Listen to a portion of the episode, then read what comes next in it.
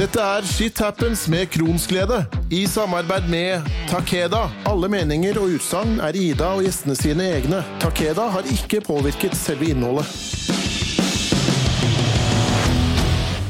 I dag skal vi prate om noe som kan være altoppslukende for den som lever med det. Noe som påvirker ikke bare personen det gjelder, men alle rundt også. Jeg snakker om å være kronisk smertepasient.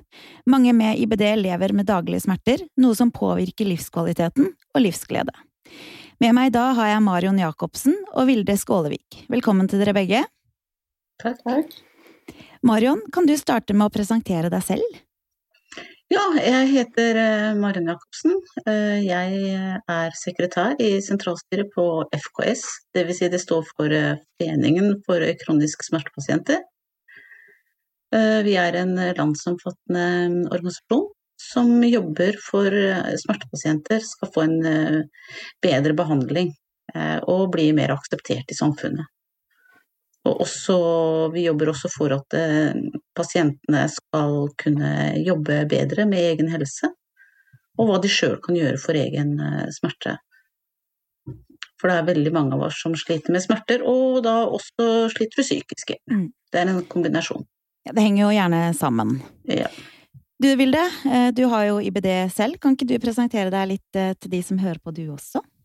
Ja, jeg heter Vilde, er 26 år og har hatt ulcerøs i 11 år nå. Eh, jeg har operert eh, to ganger med avlastningstomi og har fungert egentlig veldig bra. Hatt en ganske normalt hverdag eh, frem til i fjor. Da sa egentlig kroppen nok, og smerteskalaen sprakk, og livet ble snudd ganske opp ned.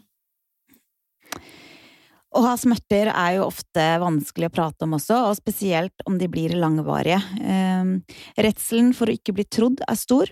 Ofte så har eh, venner og bekjente litt oppskrifta på hvordan den syke kan bli bedre også. At eh, det gjerne virker belastende for den syke å få tips og råd, tenker nok ikke så veldig mange over.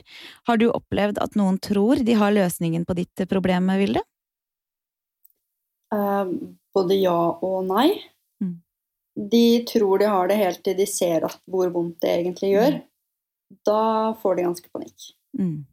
Og de slipper alt og bare Ja, yoga hjelper mm. sikkert, men det hjelper ikke da. Nei.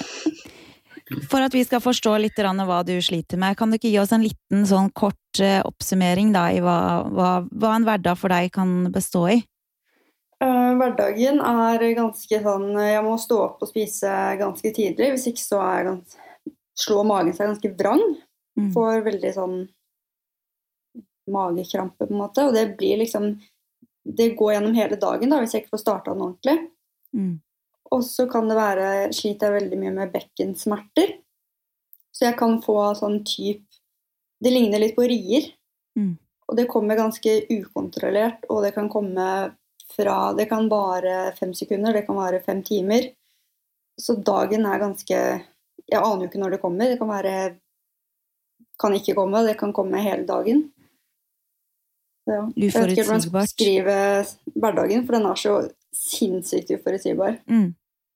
Og det gjør det jo også ekstra vanskelig å, å, leve med smerter også, i og med at en kan ikke planlegge dagen sin, og det tror jeg kanskje mange med smerter kjenner seg igjen i, og noe dere også hører en del om med Marion. Å ja, absolutt. Mm. Jeg kjenner meg veldig godt igjen i hva Vilde snakker om. Jeg fikk jo Murbus Kron for eh, snart 20 år siden, og har vært eh, en kronisk smertepasient siden da. Um, og det med uforutsigbarheten er nok noe av det verste, det at man faktisk ikke kan planlegge hverdagen sin uh, til kanskje andre friske uh, litt fortvilelse og altså, det er vanskelig for dem å forstå at jeg ikke bare kan si at en kan bli med på eh, handle blomster dagen etter, eller at man ikke kan eh, si ja til det middagsselskapet uten at man må gjøre det rett før. Um, jeg har forståelse for at det kan være vanskelig for pårørende og, og venner og bekjente. Har du mista venner eh, på grunn av dette her, Vilde? Jeg vil ikke si at jeg har mista de, men jeg har ikke så mye kontakt med de. Nei. De er veldig sånn Eller jeg har veldig mye kontakt med de i de bra periodene. Mm. Men nå har det på en måte Det har ikke vært en bra periode på ett og et halvt år. Det har liksom vært konstant dårlig periode. Ja. Så da har det vært ikke Da har det vært ja, kanskje en melding her og der, men mm. ikke noe særlig mye mer enn det, egentlig. Du er jo også en smertepasient, eh, Marion, eh, og kan jo kjenne deg igjen i mye av det vi sier, selv om vi har en helt annen historie. For at andre skal forstå litt om din, din greie òg, har du lyst til å fortelle kjapt hva, hva du står, hvilken hverdag du har, og hva du sliter med? Ja, jeg har eh, operert eh, to nakkeprolapser, så jeg har fått en nerveskade i nakke, eh, ryggmargen i nakken, da. Mm. Så det er ganske Noen dager som, som Vilde sier òg, så er veldig fine. Andre dager er det verre. Mm. Så, så en kjenner seg veldig godt igjen. Ofte kan du også høre Ja, men du ser jo så frisk ut. Ja, jeg ser frisk ut når jeg beveger meg ute. For jeg mm. orker ikke å bevege deg uten når du er dårlig. Så det er noe med det Og det er veldig smertefullt. Eh, jeg har vært heldig og fått eh, god, god hjelp. Eh, først medisiner, og i dag er jeg heldigvis uten medisiner, men jeg klarer meg godt med andre hjelpemidler. Mm. Og det er noe også det vi jobber med, da. Det er å prøve å få ned medisinbruken, rett og slett. For det finnes alternativer. Mm. Og det er det jo egentlig altfor lite prat om. Jeg, jeg syns jo det er for lite prat om hjelp til smertepasienter generelt. Mm. Uh, nå har jeg som sagt vært syk i 20 år, og jeg har, det har vært veldig lite fokus på smertebehandling. Mye fokus på behandling av selve sykdommen, uh, og det er viktig. Men jeg må jo si at det å leve med smerter er altoppslukende, og virkelig en uh, av de største utfordringene med å være syk. Så jeg tenker at det Eh, å få god hjelp til smertebehandling og smerte Det, det å leve med smerter eh, bør være mer fokusert på enn hva det er i dag. Eh, det er min erfaring, i hvert fall. Det er også min erfaring, at, men heldigvis i dag så ser vi jo at det er en bedring på det, i hvert fall i mm. forhold til leger, forsker, og at vi også må bruke, være flinkere til å bruke og kreve litt mer av smertepoliklinikkene. For de mm. har egentlig veldig god kompetanse. Mm. Men eh, det er veldig lite ute eh, blant allmennheten at eh, faktisk smertepoliklinikkene kan være til god hjelp. Mm. Jeg vet jo veldig mange innafor IBD som aldri har vært henvist til en smertepoliklinikk, mm. og som får hjelp av det gjennom fastleger, eller ikke hjelp gjennom fastleger, det er jo litt tips om happ, eller da mellom ekspertene på sykehuset i forhold til sin IBD. Og det er jo trist at ikke det blir mer sammensveisa hjelp da i forhold til det hele sykdomsbildet. For smerter er jo en del av, hele, altså det er en del av sykdomsbildet, det også. Ja, det er viktig at du får hjelp med den diagnosen du har mm. uh, i forhold til det, men det er også noe med den uh, kroniske smertene uh, som vi jobber veldig for. Altså, vi har jo alle diagnoser i vår forening, og det er jo fordi vi har satt smerte som Det var jo sånn som et medlem også sa at jeg, jeg, har, jeg, kan være medlem av mange foreninger, men det mm. som er hovedproblemet mitt, er smertene. Det er mm. det de ønsker å ta tak i. Det er veldig slitsomt. Mm. Og det tror jeg alle med, som lever med daglig smerte kan kjenne seg igjen i. Er, kan tåle, jeg kan tåle å gå på do mye. Eh, jeg kan tåle å kaste opp mye.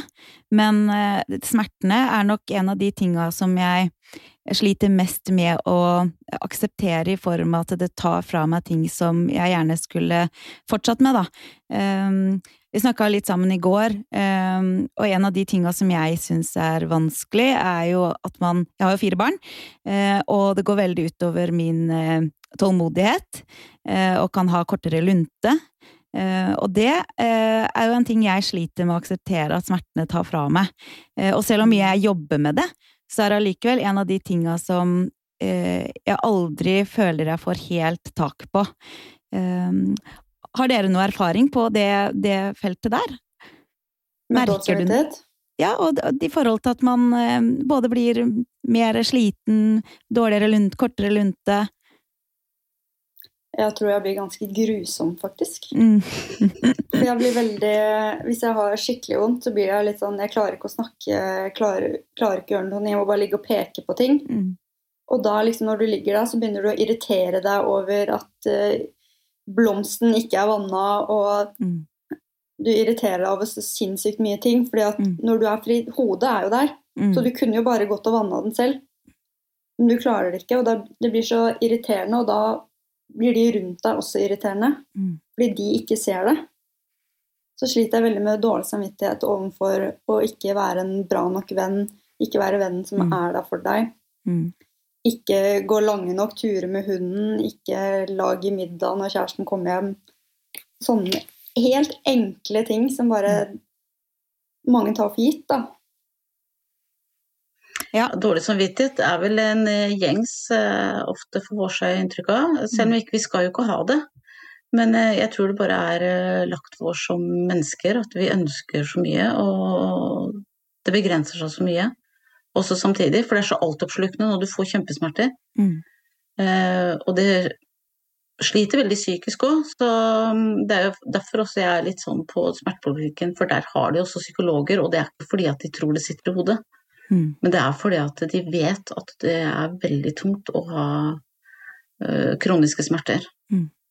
Så det er på en måte de kan veilede deg litt i forhold til hvordan du kan håndtere det sjøl. Mm. For, for, det er jo eh, en det å ha smerter, og i hvert fall når det blir kronisk, så har man jo sjelden pause. En kan få lavere smerte altså kan, Det er jo en skala hvor du mm. kan ha det helt jævlig, rett og slett, og hvor du kan være mm. på et sted hvor du eh, kan tåle det. Men mm. eh, for min del altså, er jeg sjelden helt fri, og de få gangene jeg er helt fri, så er det nesten sånn at eh, da skulle en jo egentlig lagt seg ned og sove, men da er det så deilig å kjenne på at du faktisk ikke har vondt, og da skal du gjerne gjøre alle de tinga som du vanligvis ikke um, klarer å få til. Um, og så er jeg også en person som kalles frøken Lakenskrekk. Uh, hvordan har dere det i forhold til søvn? Er dere gode på å sove på natta? Gleder dere dere til å sove på natta? Både og, egentlig. Det er Man blir så sliten på kvelden at du vil bare legge deg, men så blir det Altså, du er jo Når alle sover, så er du der helt alene, da. Og da blir jeg litt sånn Hva hvis jeg ikke klarer å komme meg på do? Klarer jeg å vekke noen? Mm. Det blir litt sånn Du får litt sånn angst for at ingen skal komme og hjelpe deg, på en måte. Mm. Selv om de ja. ligger rett ved siden av. ja. Og jeg har veldig mange ganger grua meg til å legge meg, og jeg er absolutt en av de som er kjempetrøtt, sitter og sover i sofaen. Eh, når barna er lagt, så sitter jeg gjerne og dupper med hodet ganske mange ganger, men idet eh, Robert sier at skal vi gå og legge oss, så er det som om jeg får litt sånn derre åh, alt går treigt. Har ikke lyst til å komme meg i seng, for jeg vet at idet jeg er i senga, og alle sover, så sitter jeg aleine med mine problemer. Eh, kan sitte timevis på do aleine. Eh, alt er så ensomt og mye vanskeligere å takle eh, i mørket og aleine enn hva det er når du har lyder rundt deg, du har barn rundt deg, det forventes ikke på en måte Jeg vet ikke hva jeg skal si, men det er, det, alt er mye lettere da, på dati enn hva det er på natta. Eh, Marion? Hva tenker ja, nei, du? Jeg, jeg, er litt heldig der akkurat der, da. For uh, mitt problem er ofte løsner seg litt når jeg legger meg nedpå ja. og får strekt kroppen. Mm. Så, så, jeg må si at jeg er veldig heldig der. Mm. Uh, men tidligere, jeg merket det når jeg gikk på masse medisiner, så sov jeg jo 14-16 timer i døgnet. Ja. Jeg var helt utkjørt bare av rett og slett medisinene. I dag mm. så sover jeg vel en mer normalt 6-8 timer. Ja. Men, uh, så jeg er heldig akkurat der og syns det er deilig, men, men jeg kjenner jo det om morgenen, da når jeg skal stå opp og ja. Kan fort være litt smerte, men ikke det verste. Nei. Og så fortalte du meg eh, noe i går, Marion, at eh, smerter har blitt en diagnose. Kan du ikke fortelle litt om det? Jo, eh, for det finnes et internasjonalt diagnosekriterium som finnes. Og det her foreløpig, sånn som allmennleger, de bruker nå det de kaller ICD-10. Eh, men i fjor, eller var det året før, så starta de da med en som heter ICD-11, eh, som skal være implementert i løpet av dette året, tror jeg. Eh, og det deriblant er smerte nå blitt en egen diagnose. Og det er jo kjempebra mm. for de som har For det er veldig mange som vi hører om, som ikke får noen ren diagnose. Får problemer da med Nav, helsevesenet og blir trodd og det greiene. Men nå har de heldigvis klart å få til at smerte er en egen diagnose. Det er jo helt fantastisk. Ja, det er kjempebra. For, de er veldig, for de som ikke det er Jeg har vært heldig, for meg er det synlig på MR, skadene mm. mine. Så det er jo fælt å si at du skal være heldig når det er synlig på en MR, men, mm. men sånn er det dessverre. Og den tror jeg mange kan eh, relatere seg til. Det å føle at man ikke blir trodd, om man ikke Altså, eh, er man i en god periode i forhold til hva legene ser, så kan mm. du høre at du skal ikke ha vondt fordi at nå er eh, tarmen din frisk. Nå ser det bra ut, du er kanskje i remisjon. Det hjelper fint lite for pasienten om pasienten ikke har det bra. Mm. og jeg tror det er veldig mange som føler på at det er noe feil med deg, da. Hvis ikke det stemmer med sånn som du har det, kontra det legen ser, og legene kan mhm. virke litt irritert på deg for at du kanskje eh, klager over at du fortsatt har vondt, når de mener at du er godt medisinert og at alt skal være bra. Mm. hva tenker du her, eh, Vilde? Har du opplevd det før? Å ikke bli trodd? Ja. Uh, ja. Det, helt til jeg bytta sykehus eh, nå mm. for ett og et halvt år siden, så var det veldig Det var bare medisiner, medisiner, medisiner. Og jeg fungerte jo som sagt veldig bra. Men jeg var jo ikke, jeg var jo ikke bra. Jeg hadde jo veldig sånn lakenskrekk. fordi at mm. sekundet jeg la meg ned, da kjente jeg jo hvor dårlig jeg egentlig var. Mm. Men etter at jeg bytta nå, så har det egentlig det har aldri vært et spørsmål om jeg hvor vondt jeg har, eller, for det syns så sinnssykt godt. Mm. Jeg får sånn eh, rynke i panna. Mm. Sånn skikkelig stressrynke, og der ser du det. ja. Det er, og det er jo gjerne sånn at de rundt oss, de som kjenner oss aller best, eh, de vet jo eh, eh, Noen kan bite tenna sammen. Meg sjøl, jeg blir fryktelig stille. Sliter med å kunne mm. følge med på ting. Ikke orker ikke å holde en samtale. Vi bare egentlig sitter litt i fred. Jeg kan tåle veldig mye for ungene mine, og kan virkelig strekke meg så langt som overhodet mulig. Men eh, idet de er lagt, så er det Da har jeg rett og slett ikke noe mer igjen å gi. Og det å ikke kunne strekke til for han jeg bor sammen med da, det er vanskelig, og jeg har snakka med mm. flere nå før den, eh, den episoden skulle stille, spilles inn, eh, hvor de sier at en av de tinga de sliter mest med, det er følelsen av ikke strekke til både seksuelt og i forhold til partneren sin. Fordi eh, har man mye smerter, og spesielt da i mageregionen, så er det klart at det er vanskelig å skulle orke å ha sex. Mm. Um, og det er en viktig del i et forhold. Um, har dere hørt det problemet før, um, Marion, i forhold til deres, deres Altså, dere sier? Ja, det er jo det. Våre medlemmer også ja. føler ofte at de ikke strekker til. Da. Mm. Altså og det er vel på de fleste områdene, tenker jeg. Mm. Eh, det er noe med det at smerten er så altoppslukende, eh, dessverre. Eh, så at det å skal fokusere, og som du sier, det å bli stille Jeg blir veldig stille. Mm. Så de, jeg bør ikke si noe. De rundt meg kjenner nå er voksne barn, jeg har også tre barnebarn, så, mm. men allikevel de ser det på meg veldig fort, for jeg blir veldig stille. Eller så kan jeg være veldig skravlete, men men du orker bare ikke å, å, eh, ha noen samtale, du orker ikke ta noe inn, du orker ikke å, å føre noen dialog. Altså, ja, det blir, eh, det blir taust rundt meg, for å si det mm. sånn.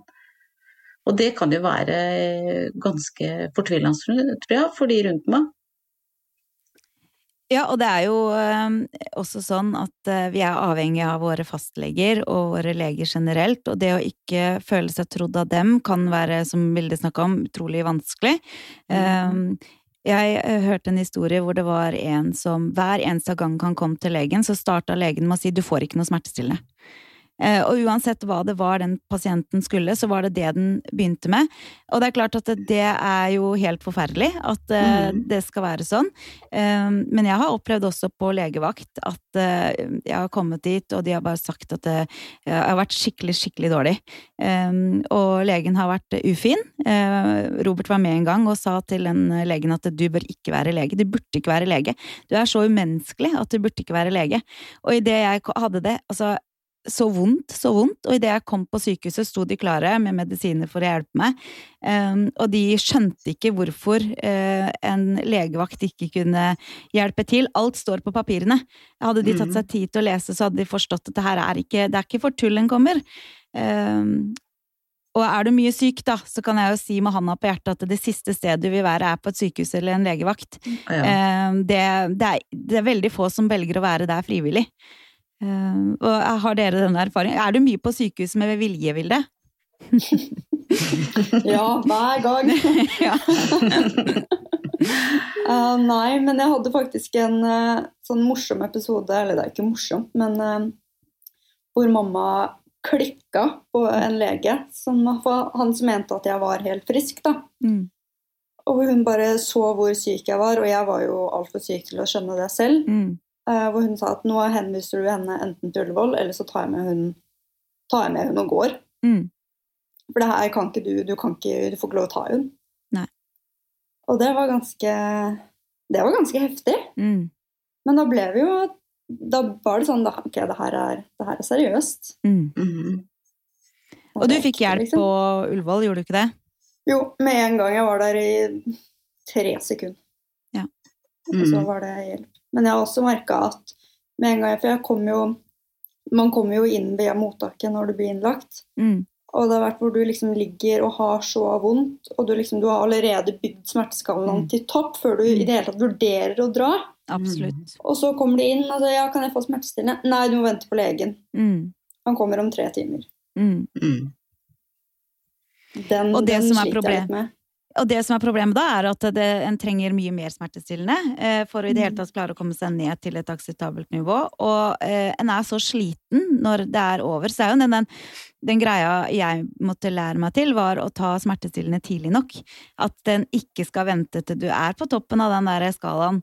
Fordi du trenger mer, og du trenger eh, ofte um, Altså, det bruker mye lengre tid å virke. Mm. Uh, og det er jo sånne ting som tar tid å lære seg, da. Um, og for meg så har uten tvil varme vært en av de tinga jeg har brukt mye for å kunne få det bedre for meg. Jeg vet ikke hvor mange ganger jeg har risposen i mikroen i løpet av en dag. Det er ofte. Um, og det kan være bare når jeg sitter og ser på TV, eller uh, Og like mye egentlig på nakken og på sånn, for jeg anstrenger veldig kroppen når jeg har vondt. Knyter mm. muskler. Um, så, så, for meg så har varme vært en positiv ting. Um, og jeg har også hatt veldig god nytte av å uh, bruke tankefeltsterapeut. Um, det gjorde jeg en periode for å klare å bruke huet mitt riktig og klare å være positiv på tross av smertene. Mm. Har dere hatt noen sånn Er det noen ting dere må gjøre som hjelper dere i hverdagen, som dere har lyst til å dele? Jeg begynte å strikke, ja. for da kunne jeg heller fokusere på det. Smart. Men uh, nå fikk jeg strikka så mye at jeg fikk senebetennelse, ja, så nå må jeg finne på noe annet. du får begynne å Ja, det, det fins jo mange fine ting en kan gjøre, da. Um, og ja. det er jo ikke noe tvil om at det å ha noe annet å bruke eh, tankene våre på, er jo kjempelurt. Og det beste er egentlig å distrassere seg der. Ja. Mm. Hva pleier dere å anbefale deres eh, medlemmer, Marion? Nei, altså det går mer på det hva du har av interesse. Sånn som jeg syr litt og strikker og sånt nå, så, så, for meg så er det veldig bra. Men samtidig, sånn som jeg da, at eh, jeg må gjerne legge meg nedpå en times tid på dagen. Mm. For da akkurat som jeg får strekt kroppen og de tinga der. Mm. Så det er liksom å prøve å finne det som fungerer eh, for seg, og gjerne mm. en interesse som Ja, ja, må du Altså, du kan godt ha, bruke god tid. Altså som jeg sier, eh, du trenger ikke å bli ferdig i morgen eller du skal ikke rekke noe tog, liksom, men finn det du liker. Alt ifra lesing, strikking, gå turer, eh, ja, hva som helst. Mm. Så vi har jo ei også som eh, bruker mye fotografering mm. til terapi, og hun har laga så mange fantastiske bilder. Det er hennes måte å, å, å gjøre det på. Så, så, det er noe å finne det som er litt deg, da. Mm. Ja, så tror jeg det er viktig, og selv om eh, mange av de med smerter blir jo dessverre ufør, jeg er jo en av de, og mm. eh, selv om du da på en måte styrer hverdagen din litt eh, selv, så er det likevel viktig i hvert fall vært viktig for meg å fortsette å ha en slags eh, forutsigbar hverdag, da. Står opp til mm. samme tid, prøver å gjøre de samme tinga, prøver å ha en, en slags mening med dagen. Eh, faste tider hvor jeg hviler på, faste tider jeg gjør ditt og datt. For at ikke en skal havne i den derre fella hvor en plutselig bare går i en sånn dus, hvor ikke det er egentlig noe struktur på noen ting. Det også har hjelpa meg veldig mye. Mm, det tror jeg òg. Så langt det lar seg gjøre. Ja struktur er viktig. Og for meg så har det vært veldig viktig å være med i foreningen og prøve å engasjere meg og bruke det når jeg ikke kan jobbe, så kan jeg få bruke det til noe positivt ved å prøve å engasjere meg og få andre, altså helsemyndigheter og andre til å mm. se vårt problem, da. Ja, det, det er noe med det òg. Og det kjenner jeg meg jo igjen i. At man kan bruke det man, altså historien sin, til, til å hjelpe andre på eh, en eller annen måte. Og det at du mm. også vil det nå åpent forteller om hvordan du mm. har det, er kjempeviktig for at andre skal forstå, og ikke minst at andre skal skjønne at man ikke er aleine. For det mm. sitter mange der ute og tror at man er helt aleine med å ha det akkurat sånn som det du forteller og det begge alle tre forteller. Jeg tenker at jo mer åpenhet vi kan eh, få fram, og enklere blir det for de som kommer etter oss. Og så er det eh, noe sånn at eh, man alle leter etter en lindring, eh, og en måte å få det lettere på. For meg så har det vært kjempeviktig å akseptere at situasjonen min har blitt som den blitt, eh, og lage en slags forståelse for at dette her er mitt nye meg. Ikke hele tida sammenligne meg med den friske Ida jeg var før, fordi det gjorde jeg i noen år, og det var ikke bra. Jeg gikk og var så sur og øh, sinna for at jeg ikke klarte å få til alt jeg fikk til som frisk. Mens når jeg på en måte mm. klarte å akseptere at den Ida jeg var før, ikke lenger eh, er, er der lenger, men at jeg må ta stilling til den situasjonen jeg er i, og være her og nå, så fikk jeg det så mye lettere, eh, og klarer mm. å se at jeg har det faktisk egentlig ganske bra. Og man kan ha det bra som smertepasient. Eller hva sier dere? Ja, absolutt. Absolutt. Vilde? Har du det bra? Det spørs litt på smerteskalaen. Ja, selvfølgelig. ja, selvfølgelig. Men ja. Eh, det, det, går litt i perioder, egentlig. Noen ganger så er det helt nede, og andre ganger så Men jeg merker veldig at på det at hvis det er noe som jeg liksom De tingene jeg tok for en selvfølge da, mm. før Jeg sliter veldig mye med at jeg må Hvis jeg må avlyse ting, mm. mm. da kommer den der, ja. Fader, altså. Ja. Og det er veldig menneskelig, tenker jeg. Uh, å ha pårørende som kan forstå at man eh, må avlyse, er jo kjempeviktig. Jeg mista venner fordi jeg ikke kunne eh, stille opp, og fordi jeg, tro, jeg, tror det var vanskelig for dem å forstå at eh, det var ikke fordi jeg ikke hadde lyst at jeg ikke kom, eller at jeg måtte gå fort og tidlig. Eh, det var jo fordi at jeg blei syk, eller fordi jeg rett og slett ikke orka. Eh, vi var unge, jeg var veldig ung når jeg ble syk, jeg var 17 år, og jeg forstår at 17-åringer har vanskeligheter for, for å forstå um, at en uh, rett og slett må gå hjem fra en fest, da. Eller ikke mm. prioriterer en fest. Så det er absolutt tilgitt, for å si det sånn. Uh, Samtidig som det er jo et savn å ha gode venner. Jeg har heldigvis gode venner nå som forstår at situasjonen er som den er, og kontakten vår er mer over eh, telefon og, og, sånne ting enn hva det er å møtes eh, ansikt til ansikt. Og det fungerer, det òg. En må på en mm. måte finne litt nye veier å gå, da. Eh, hvordan, hvordan, er det i forhold til dere og, og det her med aksept og forståelse? Eh, jeg har veldig sånn at det er eh, familien min, eller mamma og pappa, de skjønner det veldig godt. Mm. Uh, besteforeldre Nja, mm. de vil ikke helt. og venner er litt sånn enten så vet de alt, eller så vet de ingenting. Mm. Og de som vet alt, er jo de som har levert meg på legevakta, holdt på å si. Mm. De har jo ikke noe valg. Nei. Og det er jo alltid sånn at det er noen vi deler uh, mer med enn andre. Eh, mm. Kanskje vi noen forstår litt mer eh, etter hvert, etter hvert som de blir eldre sjøl også, og kanskje får eh, altså Har man aldri opplevd noe, da, hvis man aldri har opplevd å være syk sjøl, eller aldri opplevd smerte, eller aldri opplevd at andre rundt deg har vært alvorlig syke, så kan det være vanskelig å forstå. Og jeg tenker at uh, det, det, det, må man på en måte bare akseptere. Selv om det er vondt og vanskelig å miste de du er glad i, så har jeg i hvert fall bestemt meg for at det um, da, Jeg tar vare på de som er der for meg, og de mm. som forstår. Sånn er det nok litt annerledes for dere eh, som har vært så unge når dere har blitt syke. Mm. Eh, jeg var jo godt voksen og hadde ja, yngste var jo 17 år, eh, så du kan si eh, jeg har jo hatt det litt annerledes, heldigvis, må jeg si. For jeg tror det er veldig tøft å være ung og småbarnsforeldre mm. og, og, være kronisk syk. Mm. Eh, jeg var jo i arbeid helt fram til det og prøvde å jobbe etterpå. Jeg var 120% stilling, så jeg jobba mye. Men eh, så jeg tror nok på, på mange måter så har jeg hatt det lettere sånn sett eh, enn yngre. Og det er jeg litt opptatt av at yngre også må, dere må tørre å komme fram og ut og si ifra at eh, fordi om jeg er ung, så kan jeg faktisk være syk og ha mm. smerter. Altså, det er veldig viktig. For som regel så er det veldig ofte bare de eldre vi hører, mm. eh, som, som, tar seg den kampen med å si at vi sånn, men eh, vi trenger veldig yngre som dessverre på mange måter tror jeg sliter på en annen måte enn vår som er godt voksne. Mm. Ja, så syns du ikke utapå. Eh, det er jo også eh, ja, det er jo en av de tinga som gjør det absolutt vanskeligst for andre å forstå. Eh, mm. En ser jo absolutt frisk ut ja. utapå. I hvert fall når folk ser oss ute, så ser man kanskje både sminka ut, en smiler og Jeg vet ikke hvor mange ganger jeg tar på meg maska. Idet man går ut av den døra, så er det på med det smilet, mm. og en bare lat Det er ingen som forstår hvilken kamp som foregår inni den kroppen. mm. om en så er på butikken eller altså, det kan, det kan jo komme når som helst. Mm. Og det tenker jeg at det er litt viktig at de rundt oss uh, tenker på. Uh, det er ikke bestandig utseendet eh, samsvarer med hvordan en har det inni seg, altså.